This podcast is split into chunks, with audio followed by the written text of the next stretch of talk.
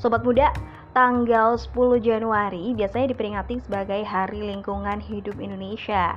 Untuk memperingati Hari Lingkungan Hidup di Indonesia, kira-kira apa sih upaya sobat muda untuk turut serta menjaga lingkungan hidup?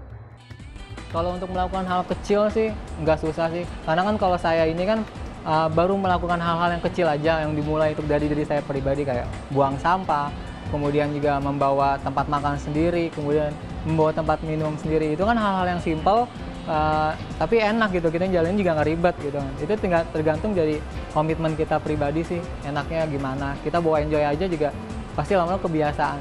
Kalaupun uh, kalau udah jadi kebiasaan pasti kalau misalnya ada yang kita kurang itu pasti ada yang kayak uh, kita nggak bawa botol minum itu ada yang ketinggalan gitu. Jadi uh, enak aja sih simpel mengganti sampah dengan pohon terus kita ikut turun tangan langsung kerja bakti buat bersihin sampah-sampah di sini biar nggak terlalu sampahnya numpuk-numpuk kayak gini.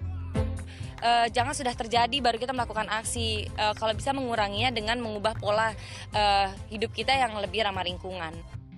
Wah, keren-keren nih jawaban dari sobat muda.